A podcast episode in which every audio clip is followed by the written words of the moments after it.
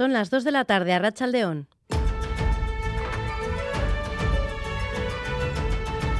Crónica de Euskadi con Irache Martínez. Si este viernes la mirada presupuestaria estaba puesta en Madrid, la vista se dirige ahora a las cuentas vascas. Este martes el Gobierno vasco presentará los presupuestos en el Consejo de Gobierno. Los socios del Ejecutivo, PNV y PSE, han mostrado su voluntad clara de ampliar la base de apoyos. La oposición muestra su disposición, aunque eso sí, EH Bildu se ha mostrado extrañada de que todavía no hayan comenzado las negociaciones. Escuchamos a Iker Casanova de EH Bildu, a Íñigo Martínez del Carrequín Podemos IU y a Carmelo Barrio Pepe Ciudadanos. Es extraño que a estas alturas no haya habido ningún esfuerzo mm, para ganarse ese, acuerdo, ¿no? Y si además se le quiere dar esa dimensión profunda de acuerdo de país, no es de recibo, es que el gobierno apruebe los presupuestos, nos los mande el viernes y la semana siguiente empiecen ya las comparecencias y decir esto es lo que hay. Del Carrequín Podemos Izquierda Unida siempre hay voluntad de negociar. Sí que hay que plantear un tema. Tenemos la fiscalidad más baja del Estado español después de Madrid, la Champions League de la fiscalidad más de derechas. Estamos por una rebaja fiscal y desde luego por el, por el hecho fundamental del apoyo a los emprendedores.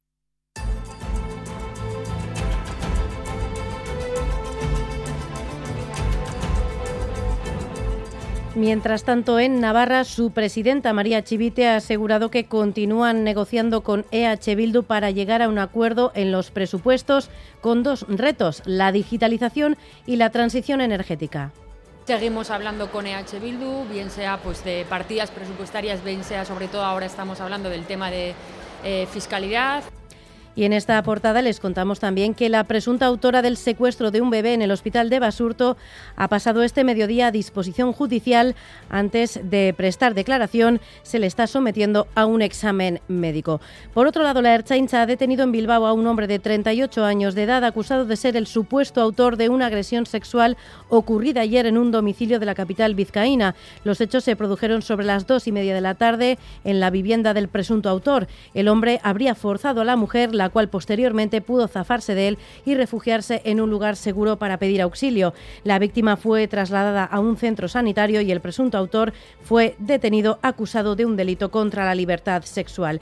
En clave internacional les contaremos que Giorgia Meloni ha jurado ya su cargo de primera ministra de Italia y en la clausura del Partido Comunista Chino la imagen ha sido la del presidente anterior, Hu Jintao, siendo expulsado del Palacio del Pueblo durante la ceremonia de cierre, mientras el actual presidente Xi Jinping been permanecía impasible.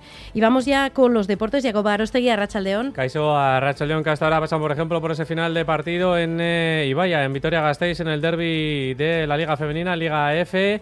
En Vitoria-Gasteiz, como digo, empate a uno entre Deportivo La Base Gloriosas y Athletic. Se adelantaba el conjunto albiazul en el 31 con gol de Armen Gol. En el 34 empataba para el equipo blanco Azcón. Además, en fútbol de primera a las 4 y cuarto de la tarde comienza el partido de la Real contra el Valladolid en Pucela. En segunda división a las 6 y media de la tarde tarde, el Alavés eh, juega Mendizorroza contra el Sporting de Abelardo. En pelota anoche en Tafalla, Ezcurria derrotaba en el 4 y medio 22-12 a el Ezcano. Si hoy el Ordi eh, bate al Aso en Bilbao, el de Mayavi se mete en semifinales. Además, en baloncesto, derrota de Basconia anoche en la Euroliga. A las 6 y media de hoy, en la Liga CB de baloncesto, juega el Bilbao Basket en Lugo contra el Brogan. Y en el derby, tenemos derby también en la Liga de balonmano femenino. Será a partir de las 6 de la tarde en Atarrabía, en Navarra, Betionac, Vera Vera. Es que Ricasco y Agoba, más deporte a partir de las 2 y media de la tarde. Y repasamos ya el pronóstico del tiempo para las próximas horas. Euskalmet, Mayalen Izar, Rachaldeón.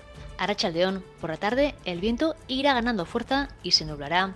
Seguirá soplando el viento del sur, pero por la tarde lo hará con más intensidad y con rachas fuertes. Se notará sobre todo en Guipúzcoa y en el norte de Navarra. Además, este viento traerá más nubes y a partir de media tarde se pueden dar algunos chubascos. Por otro lado, siguen subiendo las temperaturas y el ambiente será más templado que el de ayer pero a medida que avance el viento sur se intensificará y aumentarán las nubes. Mañana el viento será más molesto aún. Por la mañana y a primeras horas de la tarde, el viento del suroeste superará con fuerza y las rachas de viento pueden superar los 80 km por hora, los 100 km por hora en zonas expuestas. Luego, durante la tarde, irá perdiendo intensidad. Por lo demás, las temperaturas máximas se mantendrán sin muchos cambios. Veremos nubes y claros y en general no lloverá. En resumen, mañana tenemos que destacar el viento del suroeste, que superará muy racheado, sobre todo por la mañana. Y el Departamento de Seguridad pide precaución hasta ahora en dos puntos, en la AP8 a la altura de Zumaya en sentido Bilbao y en la Vizcaya 636 en el corredor del Cadagua en la salida de Bilbao hacia Balmaseda en ambos puntos por la presencia de dos vehículos abriados. En el control técnico Jesús Malo, Arancha Prado y Maitane Bujedo son las 2 y 5 minutos de la tarde. Comenzamos. Crónica de Euskadi con Irache Martínez.